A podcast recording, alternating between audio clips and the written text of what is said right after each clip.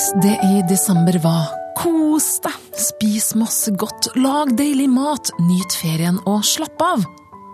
Så ble det brått slutt når det siste fyrverkeriet hadde stilna 1. januar.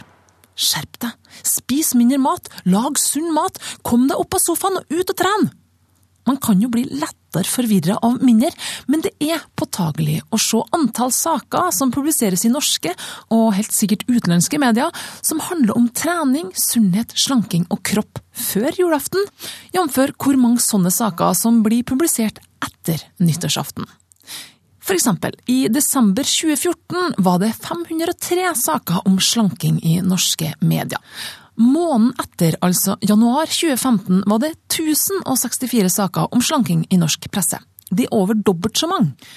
Kristina Nilsen i medieanalysebyrået Retriever har gjort et søk for Kurier ved å plukke mediesøk fra mange av deres kunder som søker etter sine produkter innenfor slanking. Så har de kobla alle søkene sammen, sånn at de får med seg all mulig omtale av slanking og alt mulig om trening. Og selv om de ikke kan få med seg absolutt alt som publiseres, skriver hun i en e-post til meg, er det i alle fall nok til å se en klar tendens. Med unntak av 2012, så har januar måned de seks siste årene vært medienes favorittmåned for saker om slanking, trening og kropp. For det er ikke bikinisesongen som skaper mest saker i media om kroppen vår. Det er noe helt annet, og du kan sikkert gjette hva det er. Typisk rundt nyttår så har mange folk de tradisjonelle nyttårsforsettene, samtidig som det er etter juleferien der folk gjerne har spist litt godt. At mange da er litt mer oppmerksom på det enn før. Ingunn Hagen er professor i mediekommunikasjonspsykologi ved NTNU, og ser tydelig medias rolle i kroppsfokuset vi alle opplever. Men når mediene er fulle av slankeoppskrifter og forslag til hvordan en kan trene riktig, så er det klart at det blir forsterka de ideene en sjøl hadde. Kanskje jeg skulle skjerpa meg litt i januar, siden jeg har spist så godt i jula. Men når mediene får det sånn fram i offentligheten, så tenker vi åh, ja, nå, nå, må jeg gripe fatt i det, fordi at nå er det så viktig tema. Og det er allestedsnærværende, så blir det liksom viktig i vår bevissthet òg. Hva kom først, høna eller egget? Er det så masse saker om kropp i januar fordi at jeg som leser syns det her er viktig å lese, eller er det mediene som bestemmer seg for hva de syns det er viktig at jeg skal lese på?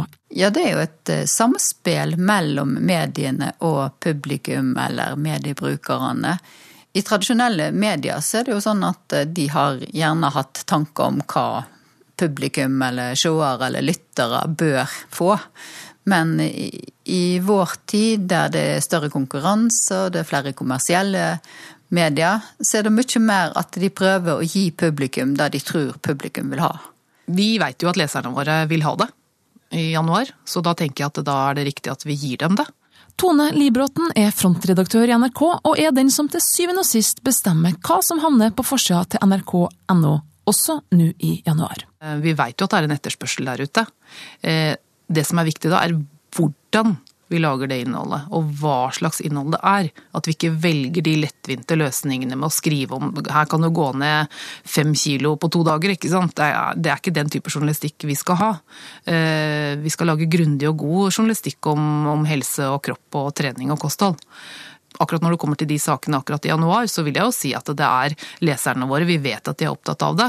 Eh, samtidig så syns jo vi det er eh, bra å kunne da servere godt innhold, da.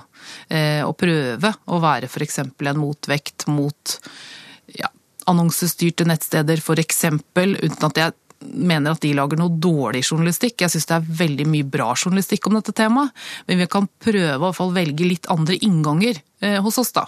Eh, se mer på helseperspektivet, trekke det opp i inngangene til sakene f.eks. Eh, prøve å gjøre det litt annerledes. Men det er begge deler. Det er leserne som vil ha det, og vi gir dem det. Men vi gir dem det på vår måte. Hvilke saker er typiske januarsaker, som kanskje ikke ga så mye oppmerksomhet i desember? Litt ledende spørsmål, jeg vet. Ja, det er litt ledende. For på det nye året så er det jo gjerne alles nyttårsforsetter som eh, vi også fokuserer på, selvfølgelig. Det kan være seg bare det å lære seg å si mer ja, til å bli mer lykkelig, til å spise bedre, trene mer. Det er de åpenbare tingene jeg kan komme på i farta nå, da.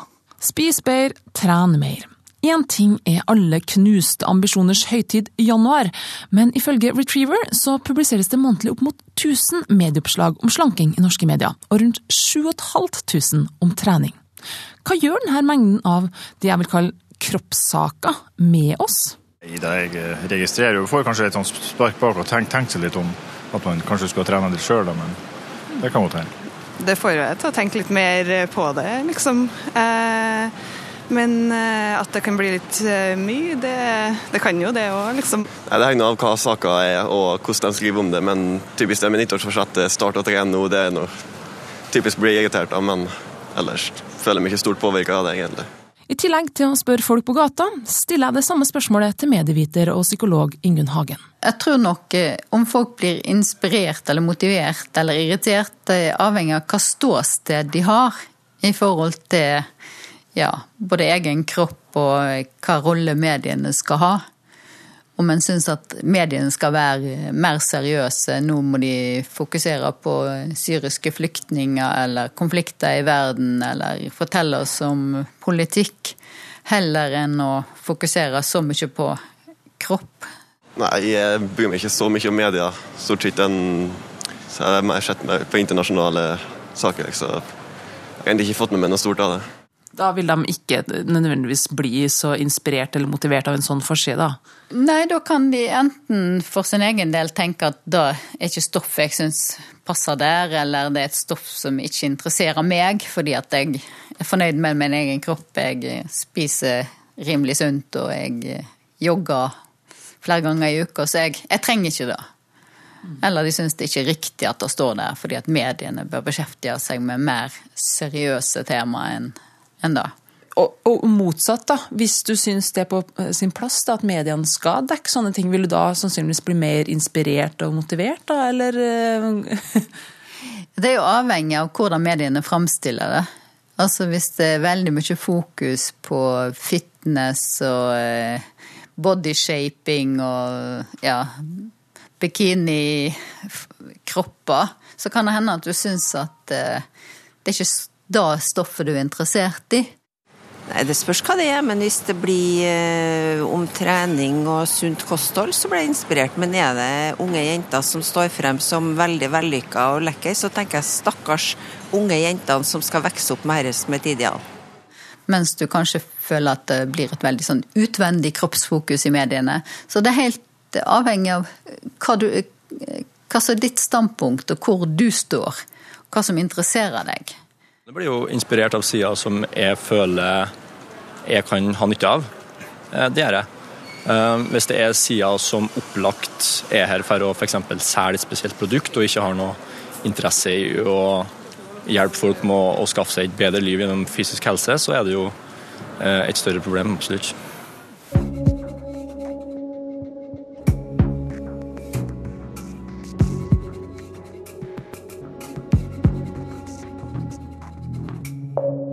For de seks siste årene har Røde Kors sin ungdomsorganisasjon Press delt ut den lite gjeve prisen Årets gullbarbie, til dem Press mener gjennom sin nominasjon og avstemning er best i å få ungdom til å føle seg verst, ifølge dem sjøl.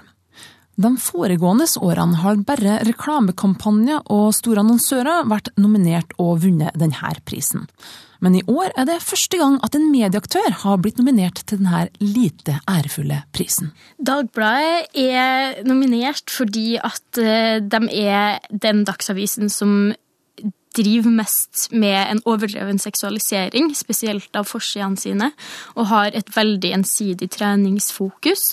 Eh, og opprettholder også gamle kjønnsroller i veldig stor grad. Karoline Steen Nylander er ungdomsorganisasjonens leder, som har trukket fram Dagbladet som én av tre nominerte til årets Gullbarbie. Vi anerkjenner jo problemstillinga, og vi syns at det er bra at eh, kroppspress mot unge får mer fokus i offentligheten. For det er noe som også vi i Dagbladet er opptatt av.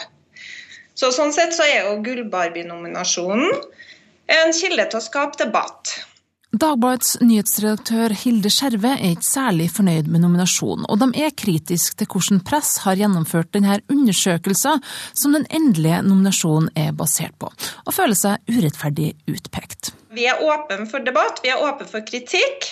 Derfor syns vi at det er litt synd at eh, press er så lemfeldig med fakta. For det gjør at vi, vi mistenker at de har trukket fram Dagbladet for å få oppmerksomhet rundt kåringa, da. Hmm, ja, at, eh, at, dere tror at dere er nominert fordi dere er en medieaktør? Jeg mener det er grunn for å stille spørsmål, og å stille spørsmål ved det, i alle fall. Hvert år i november inviterer Press egen og andre ungdomsorganisasjoner til å være med på å nominere kandidater til årets Gullbarbie. Og i år ble Dagbladet altså nominert fra tre ungdommer som eneste medieaktør. Og Karoline Steen Nylander, leder i Press, skriver en kommentar til oss i Kurer. Sjøl om det er Press som arrangerer denne konkurransen, så kommer nominasjonene fra enkeltpersoner. Hittil har over 8000 stemt, og Dagbladet leder. Om Dagbladet er åpen for debatt og dialog rundt temaet, vil Press gjerne komme i dialog om grunnene til nominasjonen. Men kan dere forstå at det kan være et grunnlag for at dere har blitt nominert til en sånn pris, eller kommer det liksom fra, som lyn fra blå himmel? Nei, Jeg skal være den første til å innrømme at vi ikke alltid har vært best i klassen. Vi har hatt i perioder for mye naken kropp, og for mye sex på førstesidene våre. Det er nettopp derfor også at vi de siste årene har jobba systematisk og helt bevisst med å ta ned både frekvens og mengde av denne type stoff. Og vi jobber stadig med å bli bedre. Om nominasjonen er korrekt eller ikke, får Press og Dagbladet ta videre seg imellom. Men Nylander mener uansett at hele mediebransjen har et ansvar overfor barn og unge kanskje til og med større enn reklamebransjen sitt. Det er ikke lenger noe stor forskjell mellom reklame- og mediebransjen når det kommer til kroppsfokus. De overlapper hverandre i veldig stor grad. Reklame utgir seg ofte for å være redaksjonelt innhold, og redaksjonelt innhold blir ofte reklame. Jeg tror media har en større påvirkningskraft enn det reklamebransjen har. Ehm, media skal jo formidle det, sannheten, eh, og når de tegner opp et veldig ensidig bilde av hvordan virkeligheten er når det kommer til eh, kroppsfokus, så, så tegner de også opp et bilde av, av det som tilsynelatende er sannheten for veldig mange. Og det fører jo til at mange barn og unge opplever at de er feil, ettersom at de kun ser den ene måten som er riktig å være på å se ut eh, i media. Eh, så jeg mener at eh, media har et enormt ansvar for barn og unge sin psykiske helse, og en ekstremt stor påvirkningskraft. Hva syns du om at det er sånt kroppsfokus i mediene? Så klart, Hvis folk ikke vet å sortere ut altså det som er sunt og det som blir direkte kroppsfiksering da, og ønsker å leve opp til de uoppnåelige idealer som finnes, så kan det jo skape problemer for mange, helt sikkert. Et ansvar som også Maria Elsnes i NRK kjenner på. Det er et kjempestort ansvar som jeg tenker på hver dag.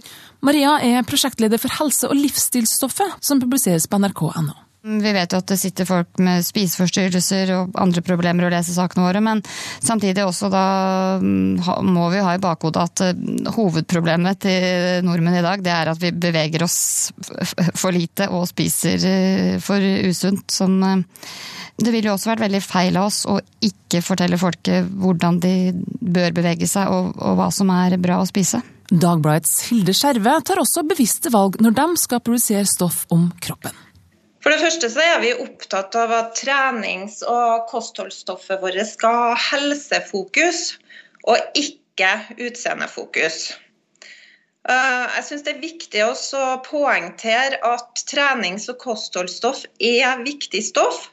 All den tid overvekt og fedme er et stort folkehelseproblem. Vi er opptatt av at frekvensen og mengden av eh, trenings- og kostholdsstoff ikke skal bli for stor. I tillegg så er vi opptatt av hvordan vi illustrerer trenings- og kostholdssakene våre. Hvis vi skriver eh, en sak om det farlige magefettet, så skal ikke vi illustrere saken med en fettfri vaskebrettmage.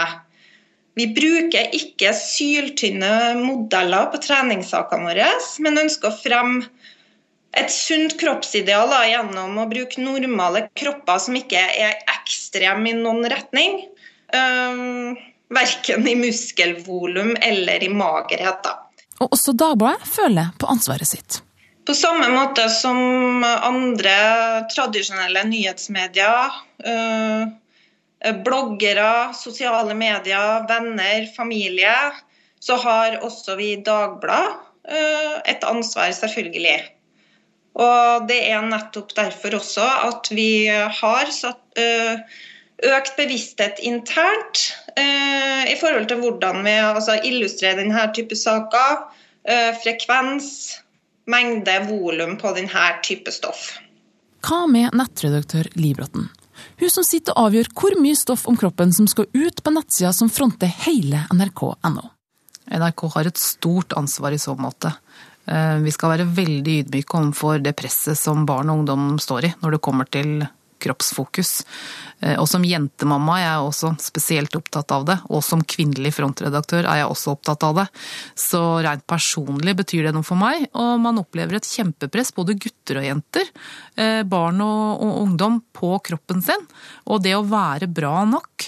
Så der tenker jeg at vi har et stort ansvar, og passer på at vi ligger godt innafor det som eh, er greit, da.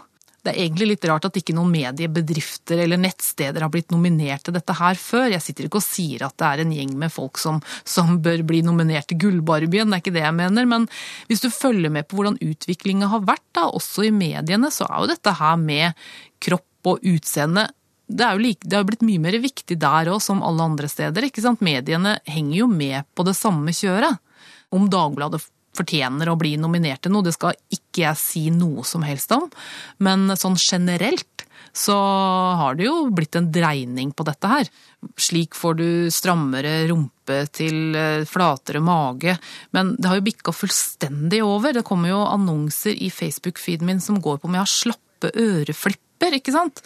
Det, kan, det er fryktelig usunt, så jeg tenker at det, det er viktigere enn noen gang at det innholdet vi har, er balansert og godt.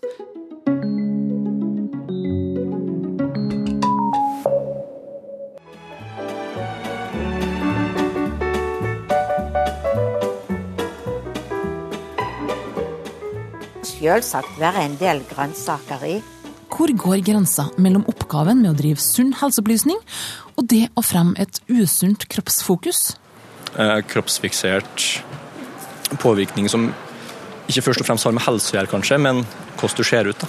Det skillet har jo tradisjonelt gått på om det har vært eh, faktabasert eller vitenskapelig basert, eller om det har vært synsing, eller om en har bare skrevet veldig populært om ting, sånn at det blir litt uetterrettelig hva en baserer seg på. Medieviter og psykolog Ingunn Hagen syns det er litt vanskelig å kunne sette et tydelig skille lenger. Hvis du sier at forskning sier, og det blir veldig mye brukt som et argument. Så hvis du ikke viser til hva forskning som sier det, så blir det litt uetterrettelig for folk. Fordi at du kan finne forskning som sier at den ene typen kosthold fungerer best, og noe annen forskning sier at en helt annen type kosthold fungerer best. Hvordan man skal spise, og hvordan man skal trene, og hva som er sunt og hva som er litt i overkant, det kan jo kanskje variere litt òg. Så det er kanskje litt vanskelig å vite ja, hvor mye man skal ta inn, og hvor mye man skal liksom bekymre seg over det, og hvor mye man trenger å tenke på det sjøl. Liksom. Det kan jo bli litt forvirring i all informasjonen. Og du må i hvert fall vite hva forskning som sier ditt og datt, men òg innenfor forskning så vil det jo være ulike funn og ulike synspunkt. Men uh, i hvert fall det skillet mellom fakta, vitenskap og mer populærkultur er ikke så tydelig som før. Og frontredaktør Libråten forsøker å finne hvor skillet skal gå i dag for nrk.nos forside. Og det at vi har vært opptatt av kosthold og trening, det har jo, kan jo spille tilbake til Ingrid Espelid Hovik, da, som sto og snakka om et sunnere kosthold. Trim for eldre, Trimkvarteret på 90-tallet. Hei, og velkommen til Trimkvarteret. Ruller på foten, vi går på stedet. Gjør så godt du kan, men prøv å være med. Vi bygger egentlig bare videre på det grunnlaget som er lagt i NRK fra før. Sånn føler jeg det i hvert fall også, at journalistikken vi lager alltid har et helseperspektiv ved seg.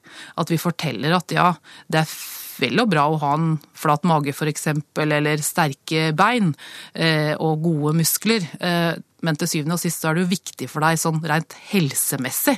Eh, og hva det frigjøres av lykke i kroppen din ved å bli bedre trent, ikke sant? og at det er bra for deg å spise sunt. Jeg tenker at så lenge vi klarer å holde på den, så gjør vi mye riktig, i hvert fall. Og prosjektleder Maria Elsnes, som sitter i redaksjonen og skriver saker for nettet, må også prøve å finne den riktige balansen. Den grensa er vel Det er jo veldig opp til hva folk eh, oppfatter også, da. Jeg merker jo mye det at kropps- og treningssaker det, det, er, det, er, lett at folk og leserne kan ta det mm, personlig. Ofte når vi deler eh, sakene på sosiale medier f.eks., så er det mm, skal ikke så mye til før noen nok føler seg litt truffet hvis det kommer en, eh, en treningssak. Så, så den grensa er det nok eh, litt opp til dem som leser saken også. Jeg blir litt irritert, ja. At det er så mye fokus på det. For det er jo veldig mye press på unge jenter i dag. og jeg tenker litt på det, da. Hører jeg. Mm. Hvis du ble stressa over at du hørte nok en flyalarm nå, så slapp av, det, det bare ble med på opptaket. Heldigvis var det stille på kontoret til psykologiprofessor Hagen på NTNU da jeg stilte de siste spørsmålene mine. Hva gjør det her voldsomme kroppsfokuset med oss som mennesker? Jeg tenker at vi kan bli litt sånn eh, utvendig fokusert på kroppen. Altså vi blir mer opptatt av kroppen som et objekt som andre kan se på. Som et objekt som vi sjøl kan se på i speilet, og se at det ligner idealkroppen. Sånn at vi blir veldig litt utvendig fokusert, istedenfor at vi kjenner inni kroppen. Har denne kroppen det bra med seg sjøl? Er den avslappa? Har den det godt? Er den sunn? Sånn at eh, et for utvendig fokus på kropp tenker jeg er ikke helsefremmende.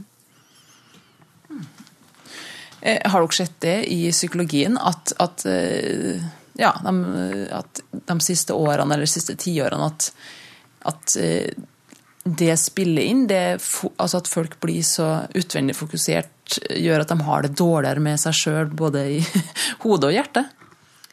Ja, det er i hvert fall lettere å bli misfornøyd med seg sjøl, og da blir Ja. Altså mer psykiske lidelser som depresjon eller anoreksi eller bulimi eller selvskading. Det blir mer nærliggende hvis du er veldig misfornøyd med deg sjøl og syns at du ikke er verdt noe. Jeg syns ikke, ikke det er så mer fokus på det nå enn før, i hvert fall. Det syns jeg ikke. Eh, det har alltid vært sånn at eh, januar har alle mm, gode forsetter, og det vet jo den som eh, holder på med dette her, så da er det som det har vært før, syns jeg. Ja. Jeg syns det blir litt vel mye. Jeg har aldri vært opptatt av det der. For dem som syns det blir mye kroppsfokus i mediene, så er det gode nyheter på vei. Pila peker nedover. Ifølge tall fra analysebyrået Retriever var det aller mest saker om trening og slanking i 2012. Siden da har det, om enn litt sakte, eh, men sikkert gått nedover. Så får vi se da om 2016 blir året da det blir enda en nedgang, eller om det blir en oppgang i antall saker om kropp. For Karoline Steen Nylander i Press har hun kun ett nyttårsforsett hun ønsker seg at mediene kan ta med seg inn i det nye året. Eh, mer mangfold, selvfølgelig, eh, og, og mindre fokus på, på, prestasjon og perfeksjon. Og så tror jeg nok også at vi må begynne å ta barn og unge sin psykiske helse på alvor, og ikke se på det her som et, eh, et sutreproblem eller et ilandsproblem, men et, rett og slett et folkehelseproblem. Og i tillegg så må vi også begynne å snakke med barn og unge, og ikke bare om dem. Marie Elsnes er i alle fall sikker på at det er én sak som aldri kommer til å bli skrevet på nettsidene deres, så lenge hun er prosjektleder for helse- og livsstilsstoffet til nrk.no. Slik blir du brun, slank og får bedre sex. Nei, Nei det er ikke